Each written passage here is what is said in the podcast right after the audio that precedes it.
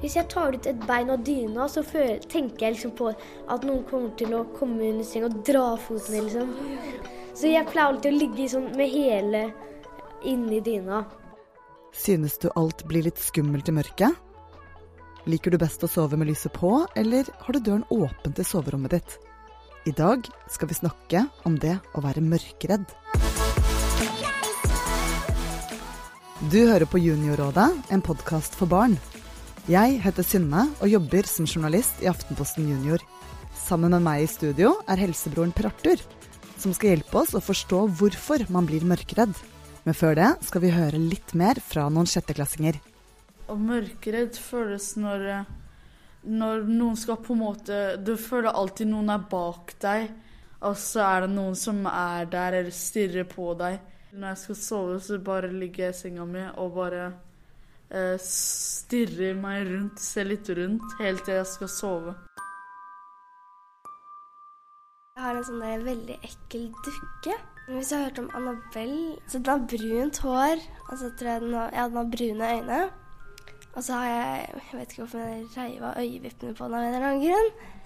Og så har den et veldig sånn ekkelt smil som går sånn ganske høyt opp i forhold til vanlige dukkene. Fordi jeg skulle sove med henne en natt, da. Sant? Hver gang jeg plutselig åpnet øynene mine, så så jeg bare den dukken liksom stirre på meg. Eh, per Arthur, hva vil det si å være mørkredd? Det er jo gjerne der at man er redd for det man ikke ser, eller det man tror man ser. Det å også kjenne på frykt og være sånn at hårene reiser seg i nakken, at man blir litt svett, og pust, man puster raskere, at hjertet slår fortere. At hvis du ligger i et helt mørkt rom, og du eh, bare ligger med dine egne tanker, så kan jo i hvert fall fantasien løpe løpsk. Når jeg skulle på rommet mitt da jeg skulle legge meg, så hadde jeg sånn lysbryter inni der. da, Og jeg var så redd for at det var noen monstre som skulle komme og ta meg. liksom. Så jeg, sånn, jeg skulle skru av lyset, og så løp jeg jo inn på rommet mitt og la meg under dyna mi. Og jeg skulle ikke ha en eneste fot ut av dyna mi, et eneste hårstrå. Jeg skulle ligge bare stille og sovne. liksom. Ja, for jeg, jeg ble jeg ble redd. Jeg vet ikke folk monstre skulle jage meg noe sånt. Jeg er redd for mitt eh, eget rom, fordi det er sånn eh, Det var en gammel dame der som døde akkurat i mitt rom. Altså, jeg har hørt sånne rare ting i, i rommet mitt. Altså, det er et sånt vindu, så jeg føler alltid noen skikker. En greie som skikker i vinduet når jeg går. Så hver gang Noen ganger pleier jeg bare å løpe ut av toalettet.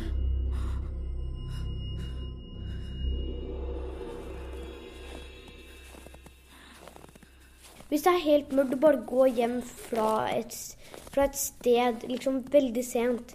Og så er det liksom Det er ingen folk fordi det er sent og sånn. Det er mørkt, litt øde.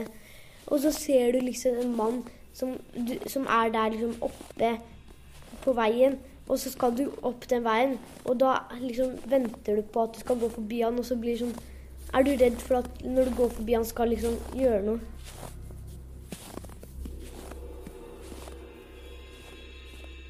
Hvorfor er man mørkredd? Det er ganske Det går litt sånn tilbake igjen i menneskelig natur. Vi, vi, er, vi er ikke laget for å være ute om natten, egentlig. Så vi er vant til at det skal være lyst, og at vi ser ting, at vi har oversikt. Og da er det veldig naturlig at man gjerne blir litt mer redd, eller mer på vakt. Men det som kanskje er den største eh, grunnen til at man blir redd, det er fordi at man føler seg utrygg. Man er vel trygg når man er hjemme?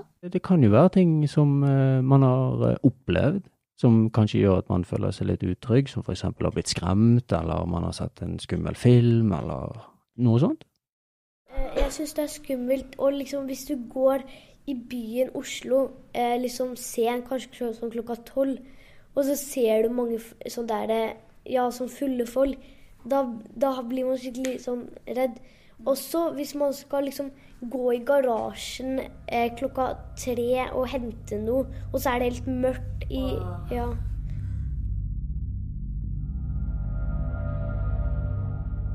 Kan man bli kvitt frykten? Ja, det tror jeg, men frykt i seg sjøl kan være veldig bra. Fordi at det, det, det gjør at vi på en måte forbereder oss på ting, situasjoner som kanskje kan være farlige, eller Eh, ting som vi eh, har lyst til å stupe fra femmeteren, men det kjenner at det er litt skummelt. Men så gjør man det likevel, og så får man en kjempegod følelse etterpå. Så frykt i seg sjøl er bra. Men det at man begrenser seg i å ikke ville sove, gå på overnatting hos kompiser, eller ikke tørre å gå på telttur, eller sånne ting, det kan jo det kan jo være litt dumt. Så en måte å så gjerne bli kvitt det å være mørkredd på, er jo også tørre å møte mørket. Hvordan gjør man det? En ting er jo det at man kanskje har en venn, at man tør å si ifra at jeg er litt mørkredd, eller snakke med mamma og pappa om det, og hver gang du gjerne tør å gå på telttur når du egentlig ikke turte, eller hver gang du tør å sove med lyset av når du egentlig ikke turte, så har du jo blitt litt tøffere. Og så er det jo lov å ha med seg litt hjelpemidler. Å bruke lommelykt, for eksempel. Eller eh, ha en kosebamse. Så hvis du ligger og føler deg litt sånn utrygg i et sted der det er mørkt, så tenk på de tingene som gjør deg trygg. Ja. Kan hjelpe. Ja, ikke sant. Så hvis man skal sove hos en kompis Mm. og gruer seg til det fordi man er redd for at man må ringe hjem midt på natta, natta, men da burde man ta med en kosebamse og kanskje lommelykt, Ja, og så bare prøve å gjøre det, eller? egentlig. Ja. Og så er det jo helt, helt greit å si at man er redd.